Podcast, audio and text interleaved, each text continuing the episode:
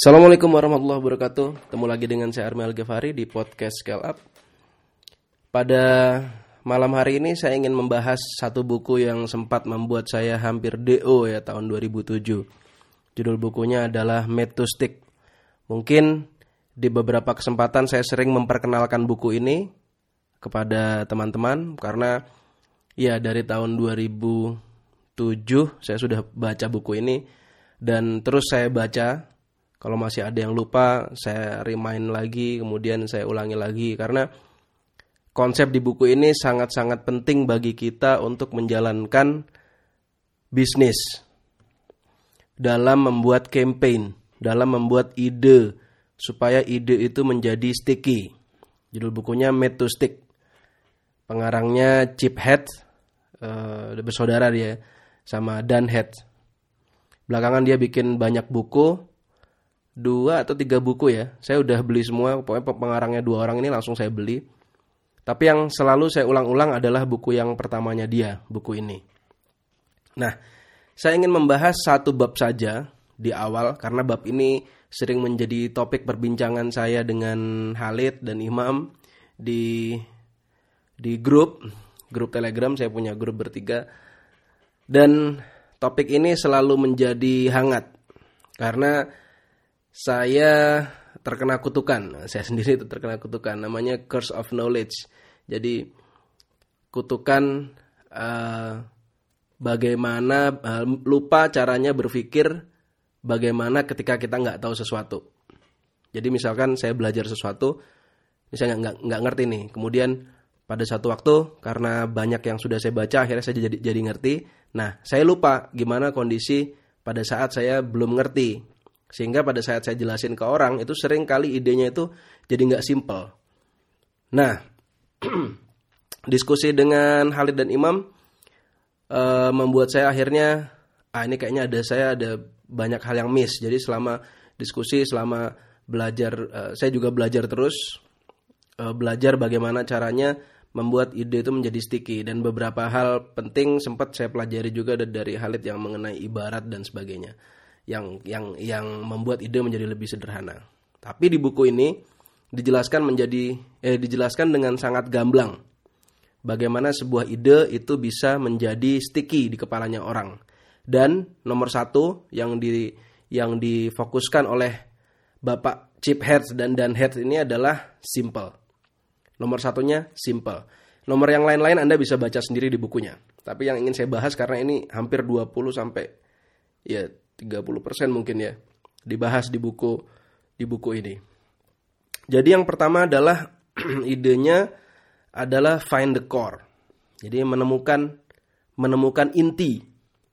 Nah, sering itu kita bahasanya intinya, intinya apa dah? Intinya, intinya. Nah, find the core. Tahun 1000, sorry, sebelum tahun 1980. Jadi US Army itu kalau mengadakan rapat untuk perang itu selalu lama sekali selalu lama dan menghabiskan biaya yang nggak sedikit. Rapat untuk menentukan strategi, strategi sampai ke taktiknya. Di sana nanti harus ngapain, di sini harus ngapain. Kalau ada sesuatu di sana maka yang dilakukan harus apa. Itu menghabiskan waktu yang sangat lama, menghabiskan biaya yang sangat banyak, dan paradoksnya adalah sesuatu yang direncanakan itu semua yang direncanakan itu pada saat hari hanya itu nggak kejadian semua. Sampai ada istilah di antara mereka dia bilang no plan survives contact with the enemy. Jadi nggak ada rencana yang yang bisa bertahan ketika uh, ketika dia sudah ketemu dengan musuhnya. Sampai terjadi seperti itu. Saking kompleksnya saking kompleksnya perencanaan. Nah, ada satu orang dia uh, head of behavioral science di West Point, akademi militer di Amerika Serikat, namanya Tom Colditz. Itu dia merenung ini kok sampai kayak begini sih? Sebenarnya ini ada yang salah kali. Ada yang salah dalam perencanaan kita.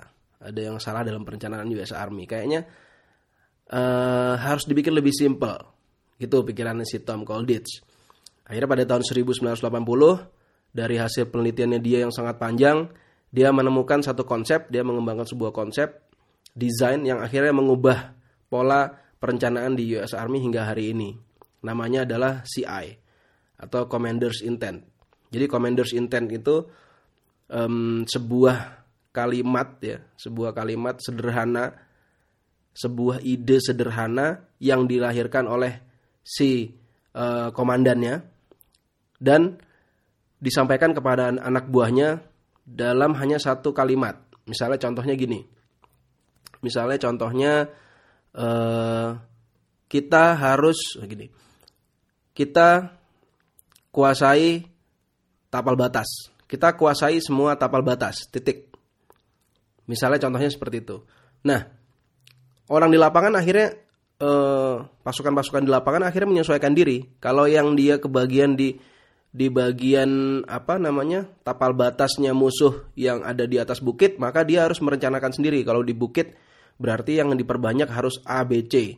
Terus kalau ada ternyata di lapangan ada masalah, dia harus improve sendiri. Improve-nya seperti apa? Pada intinya adalah kita harus menguasai tapal batas.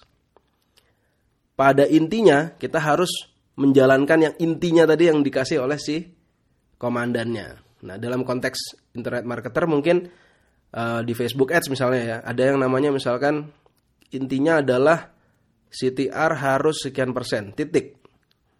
Misalnya. Nah, whatever it takes. Kalau seandainya Anda sebagai uh, advertiser ya harus melakukan gimana ngetweak gambarnya lah, ngetweak ngetweak apa uh, copywritingnya, pokoknya intinya harus itu. Contohnya gitu ya, contohnya. Misalnya kalau yang kalau yang iklannya jenis lain pasti beda lagi. Nah, tapi commander's intent ini adalah sebuah konsep sederhana yang membuat orang akhirnya membuat si komandannya akhirnya merenung untuk mencari core dari uh, apa namanya core dari uh, tujuannya dia dalam peperangan tersebut. Kemudian contoh lainnya adalah uh, Southwest Airlines. Itu diberi contoh juga di buku ini.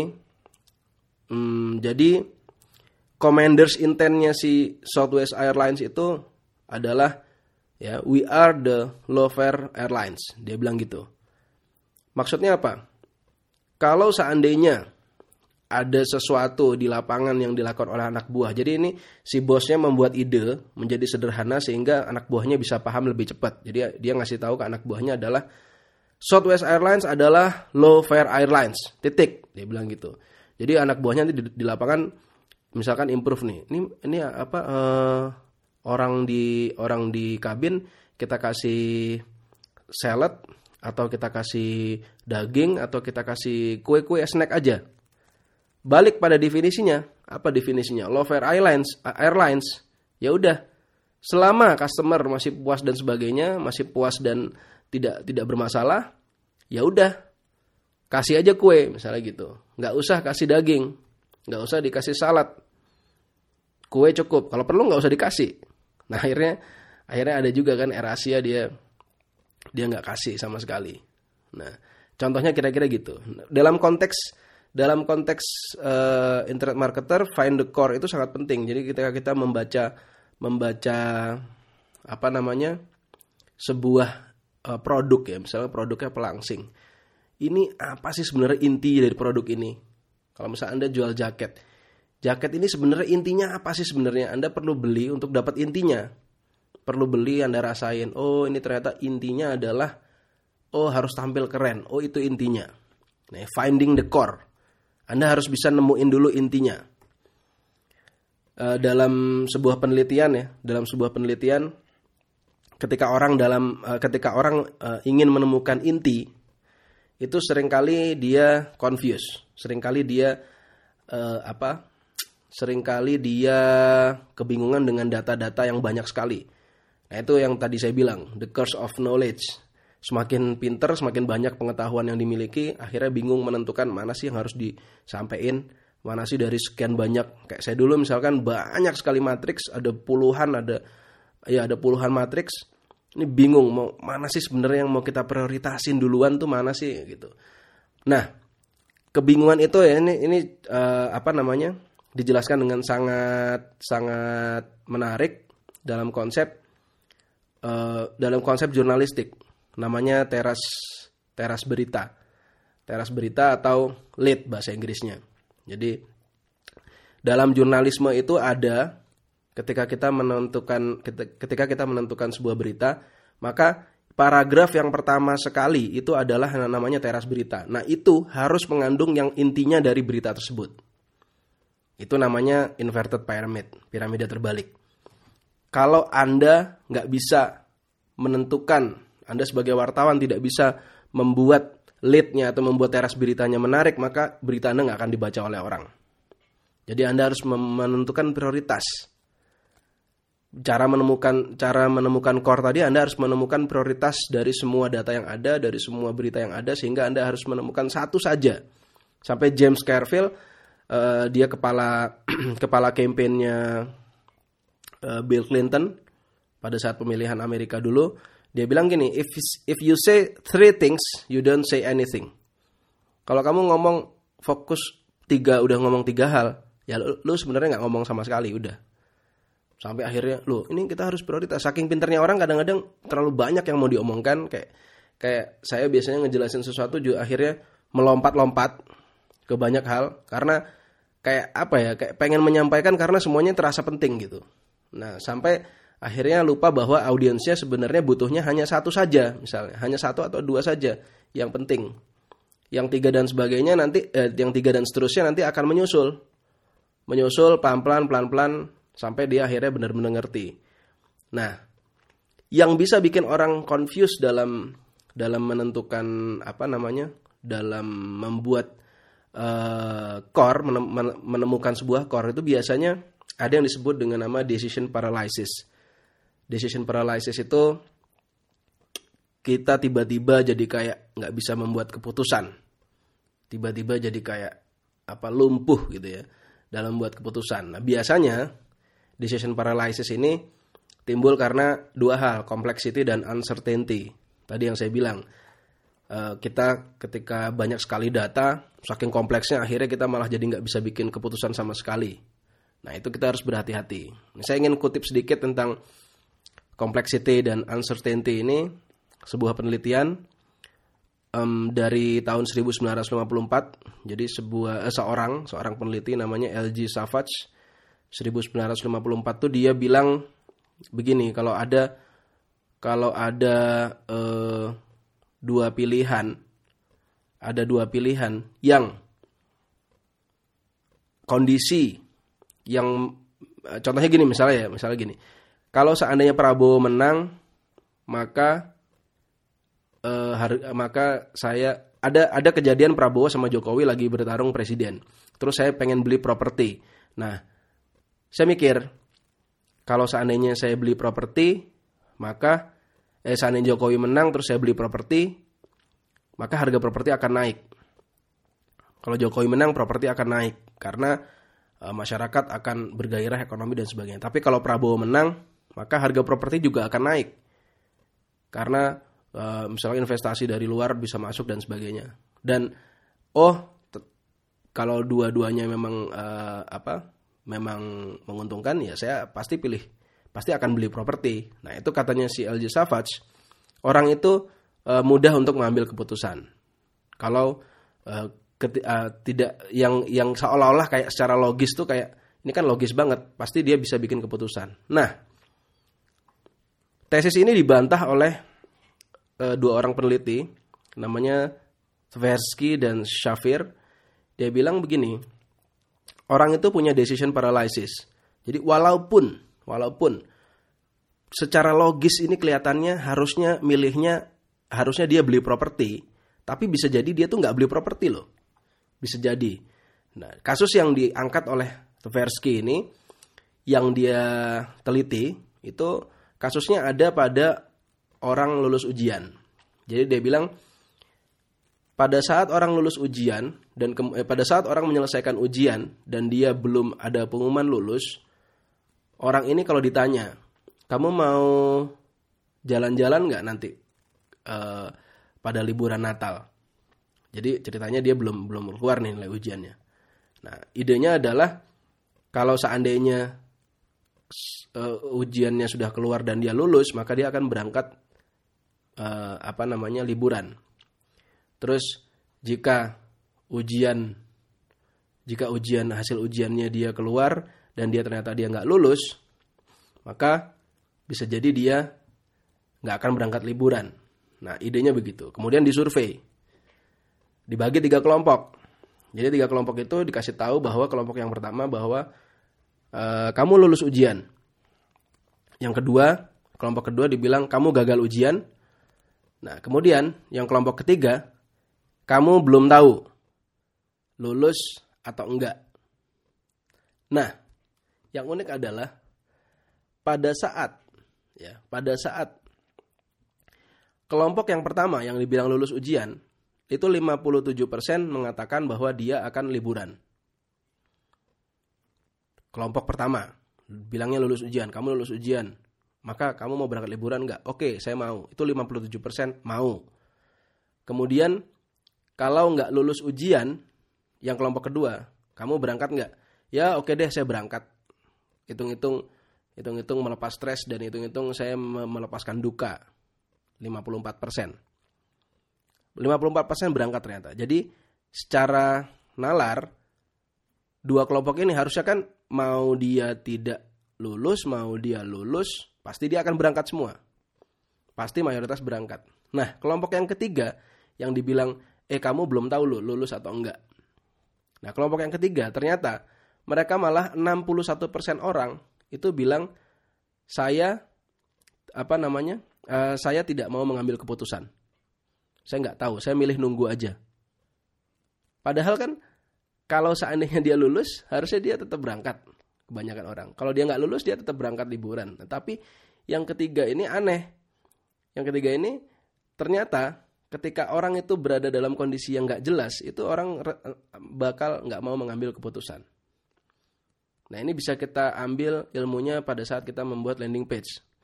Kalau seandainya orang itu nggak jelas tombol buy buttonnya di mana, maka orang tidak akan mencari. Ya orang lebih memilih, ah gue nggak akan beli. Kalau orang nggak jelas ide dari barang anda adalah apa, maka mereka nggak akan mengambil keputusan.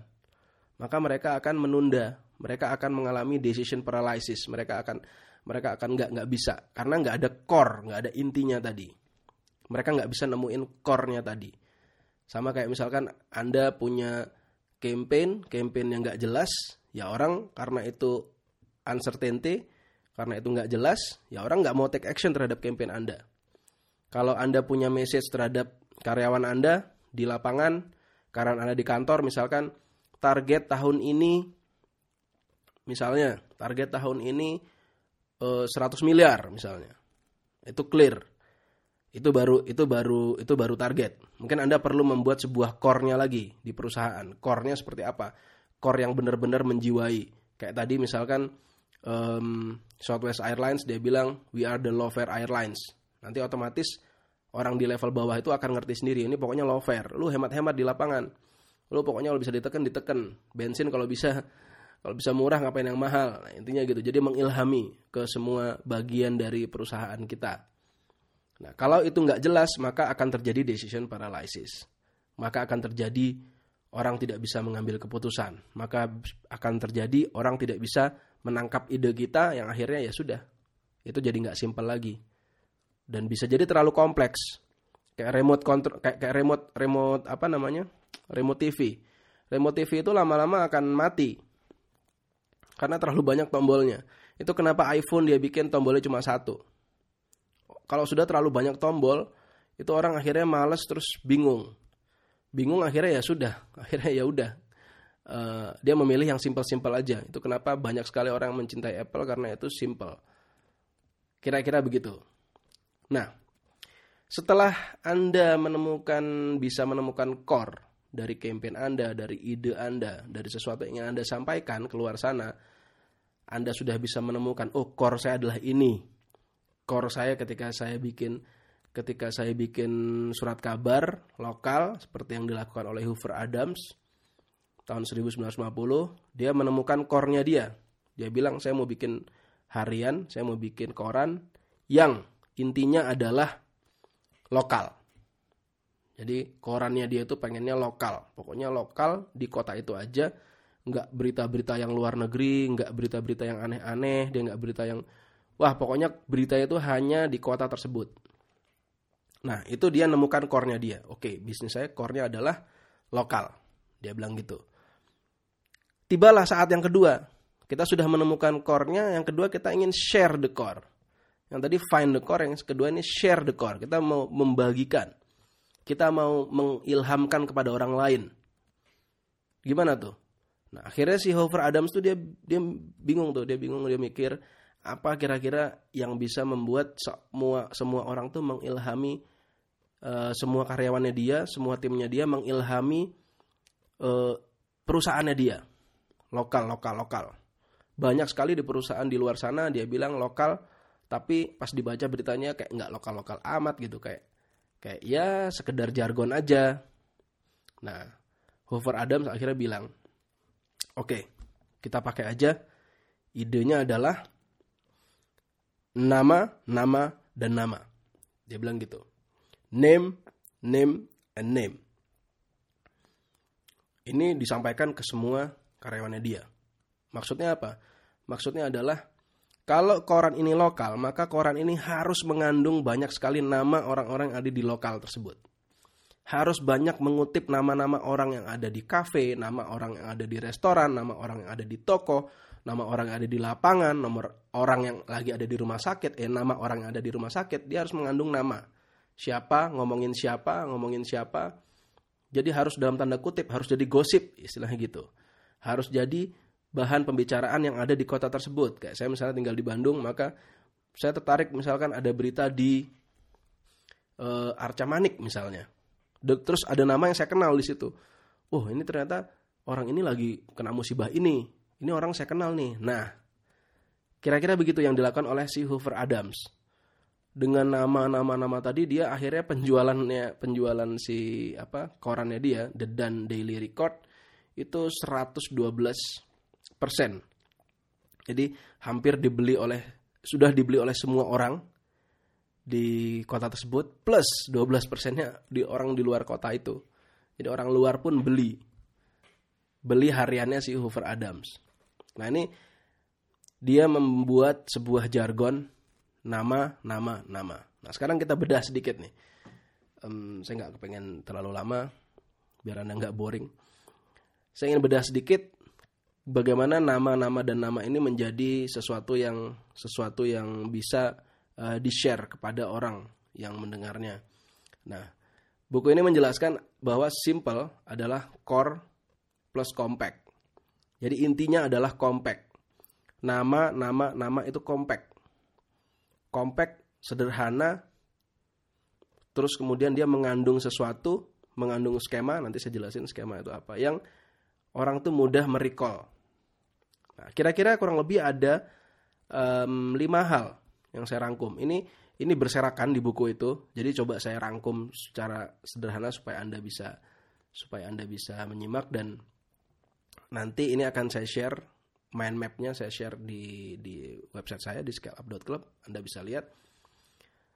Yang pertama adalah menggunakan pengandaian. Jadi proverbs. Ini contoh untuk membuat sebuah ide yang sim untuk membuat sebuah ide supaya dia menjadi simple itu adalah pengandaian. Nah, mengandaikan kayak biasanya kalau Anda belajar e, ibarat ya, Anda belajar ibarat misalnya apa ya? Seperti tikus mati di lumbung padi. Nah, itu untuk menggambarkan sebuah ide yang kompleks kan? Ide yang kompleksnya orang yang punya skill, kemampuan tapi dia tidak bisa berdayakan, kemudian dia akhirnya mati uh, kemudian dia akhirnya malah jadi jatuh miskin dan dan uh, susah hidupnya. Padahal dia punya sesuatu yang bisa dia uh, karyakan. Nah itu kan panjang sekali. Maknanya kan panjang. Nah, ini disederhanakan. Jadi seperti tikus mati di lumbung padi. Nah kalau anda pengen belajar bagaimana membuat ide menjadi kompak itu anda perlu buka-buka buku-buku uh, ibarat ya. Karena ada itu zaman SD dulu uh, apa peribahasa peribahasa nah Itulah buku-buku zaman SD. Kita bisa pakai lagi. Nah, ketika mulai menggunakan ibarat, mengibaratkan sesuatu dengan peribahasa-peribahasa tertentu itu akan menjadi lebih kompak ide kita. Kemudian yang kedua, yang kedua kita bisa menggunakan visual uh, proverbs atau ya pengandaian visual, peribahasa visual. Maksudnya apa ya peribahasa visual? Jadi kalau yang dicontohkan oleh Sony dulu contohkan oleh Sony uh, foundernya Sony itu ketika dia bikin Walkman, dia bikin dia bikin music pokoknya harus bisa masuk kantong. Dia bikin dia ambil sebuah kayu, dibikinlah kayu itu di, di dipahat kayunya sampai dia benar-benar kotak bisa masuk ke kantong. Nah, saya mau bikin musik bisa sampai kayak begini nih. Nah, itu engineer engineernya Sony mikir tuh gila-gilaan. Gimana caranya kok musik apa apa player music player bisa masuk ke kantong? Lahirlah Walkman. Itu gara-gara divisualisasi. Ini membuat ide menjadi lebih kompak dengan visual. Kayak misalnya eh, anda presentasi menggunakan mind map. Itu eh, memudahkan secara visual. Jadi ide yang tadinya kompleks jadi eh, kompleks bla bla bla segala macam tiba-tiba pas ketemu dengan mind map oh ternyata hanya ada tujuh. Itu itu menggunakan visual. Menggunakan visual uh, apa? Proverbs. Kira-kira seperti itu. Kira-kira ya ini pendekatannya aja. Kalau seandainya uh, kayak Google dulu. Google waktu presentasi dia menggunakan waktu dia pitching pertama kali dia cuma menggunakan kertas putih. Dia tulis di gambar kotak terus dia bilang apa pun yang anda mau tulis di sini uh, kita bisa mencari nah itu kan itu kan sebuah visual uh, pengandaian visual Ketika kita menggunakan pengandaian visual tersebut, orang jadi lebih sticky, orang jadi lebih compact dalam menerima ide kita. Lalu menggunakan jembatan keledai. Jembatan keledai ya contohnya yang yang digunakan oleh si Hoover Adams tadi, dia dia pakai nama, nama dan nama. Loh, nama maksudnya apa ya? Nama orang. Maksudnya kan si Hoover Adams pengen bilang lo masukin banyak banyak banyakin menyebut orang di dalam koran itu. Misalkan ada kejadian apa, gosip apa, lu masukin. Nah, itu kan panjang sekali kalau jelasinnya seperti itu. Nah, si Hoover Adams bilang names, names, and names. Jadi dia menggunakan jembatan keledai, dia menggunakan jumper, dia menggunakan apa kata-kata nama tadi untuk mewakili sebuah ide yang besar, mewakili sebuah ide yang kompleks.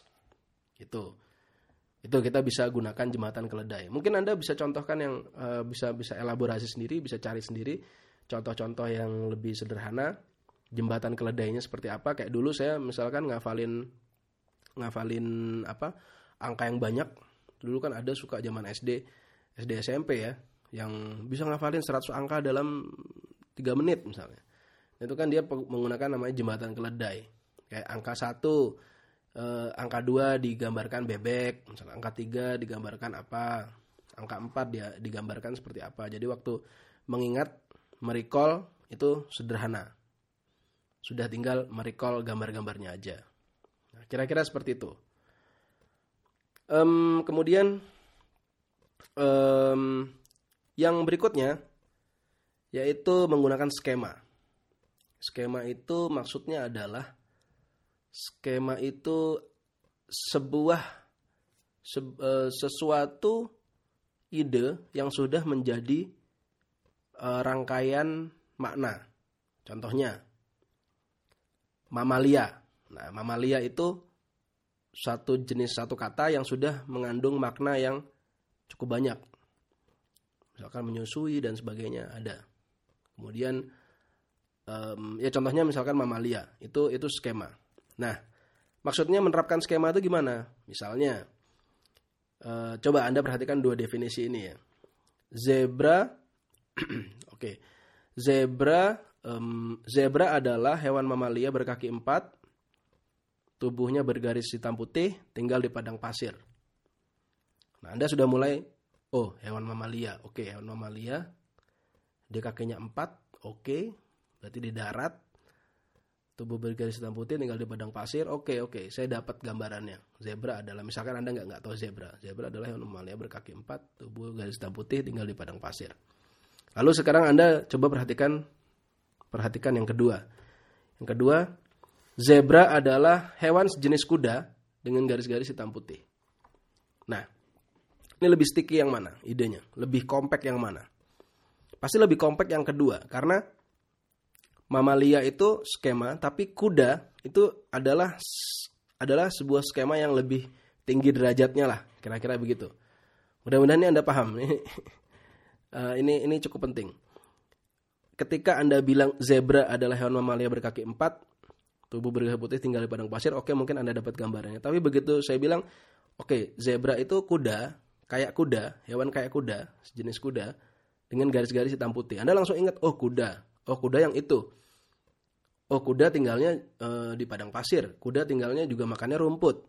Bedanya cuma dia gak ada garis hitam putih. Oh kuda tinggi besar, kakinya empat terus bisa ditunggangi, terus bisa dibuat jalan.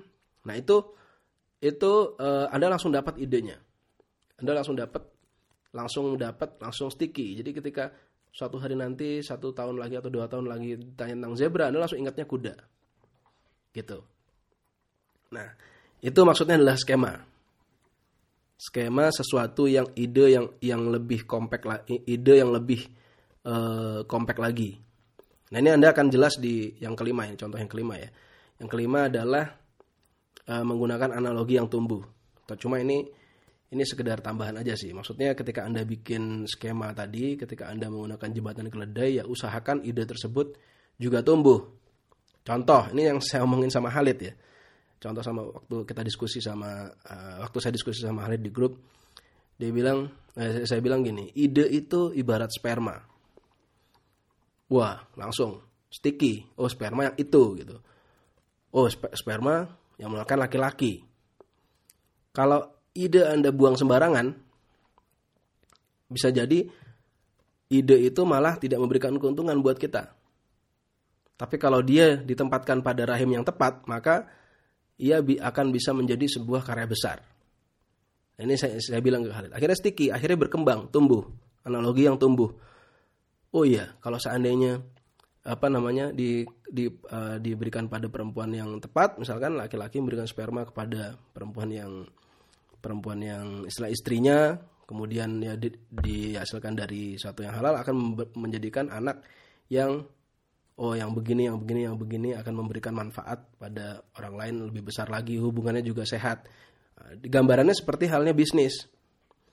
Ide-ide dalam bisnis itu kalau di, kalau ditempatkan pada akad yang jelas maka itu akan menjadi bisnis yang sehat. Tapi kalau seandainya dicerai berai di pinggir jalan aja terus akhirnya ide tersebut dipakai oleh orang lain, Anda nggak boleh ngamuk. Kalau seandainya ide tersebut tidak memberikan keuntungan, karena Anda buang-buang secara bebas begitu aja, tidak ditempatkan pada rahim yang tepat. Nah, kira-kira begitu. Ini kan analoginya tumbuh. Jadi, ketika membuat analogi dan kemudian itu tumbuh, maka itu akan menjadi lebih sticky. Wah, ibaratnya seperti uh, sperma. Nah, contohnya begitu. Anda bisa gali lagi lebih dalam lagi, intinya adalah ketika Anda sudah bisa menemukan core, core intinya dari intinya dari apa yang mau ingin Anda sampaikan dan ingin Anda sebarkan pada orang lain, Anda harus bisa caranya membagikan. Share the core. Nah, cara nge-share-nya itu itu harus compact. Nah, caranya untuk compact itu Anda bisa pakai berbagai macam cara. Yang tadi Anda bisa an, bisa andaikan, diandaikan pakai kayak proverbs tadi Anda bikin seperti halnya peribahasa atau Anda gunakan visual, bantuan visual tadi misalkan kertas putih ditulis di kasih box terus ditulis Google itu Anda bisa cari misalnya. Uh, itu visual, lalu Anda bisa gunakan juga jembatan keledai. Jembatan keledai Anda bisa pakai sesuatu yang yang diingat oleh orang, mudah diingat oleh orang, mewakili sebuah mewakili sebuah makna yang besar sekali atau Anda juga bisa menggunakan skema skema tadi yang yang sudah apa sebuah kata-kata yang sudah mengandung makna ya mungkin ini 11 12 sih. Intinya kan Anda maksudnya paham. 11 12 antara jembatan keledai skema dengan analogi itu kira-kira kira-kira 11 12 mirip-mirip. Nah, kemudian Anda bisa gunakan analogi yang bisa tumbuh.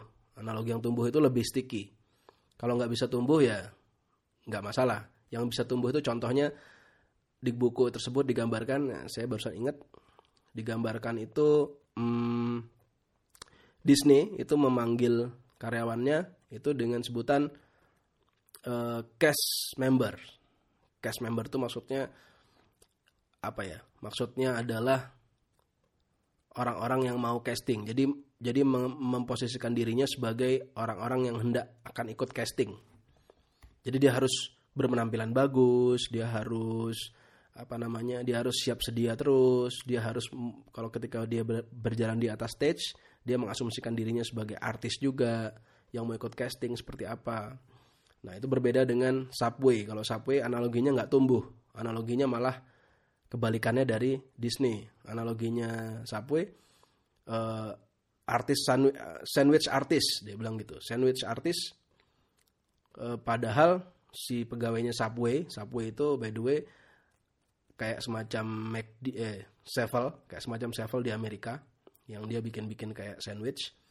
Nah tadi bilangnya sandwich artis, padahal ketika bikin sandwich kan nggak boleh mau lu mau nambahin bawang jadi lebih banyak tuh nggak boleh, kan ada aturannya semua. Nah itu kayak kok lu bilangnya sandwich artis sih, padahal kan harusnya nggak boleh ngartis, nggak boleh nggak boleh pakai baju aneh-aneh, nggak boleh artis kan begitu. Misalkan suka-suka dia yang mau nambahnya seperti apa, nah itu itu uh, analogi yang gagal. Gitu. Di buku ini kasih contohnya seperti itu. Jadi kalau anda pengen bikin suatu pengen nge-share ide anda harus pastikan sebisa mungkin ide yang anda sajikan tersebut bisa tumbuh. Contohnya tadi ide adalah sperma. Itu idenya bisa tumbuh. Anda bisa kembangkan lagi. Oke terima kasih. Itu saja mungkin dari saya cukup kurang lebih 36 menit saya bicara di podcast kali ini mudah-mudahan bermanfaat kalau ada tanya jawab, kalau ada yang ingin ditanyakan, ya silahkan saja dibubuhkan di website saya seperti biasa, scaleup.club. Terima kasih. Assalamualaikum warahmatullahi wabarakatuh.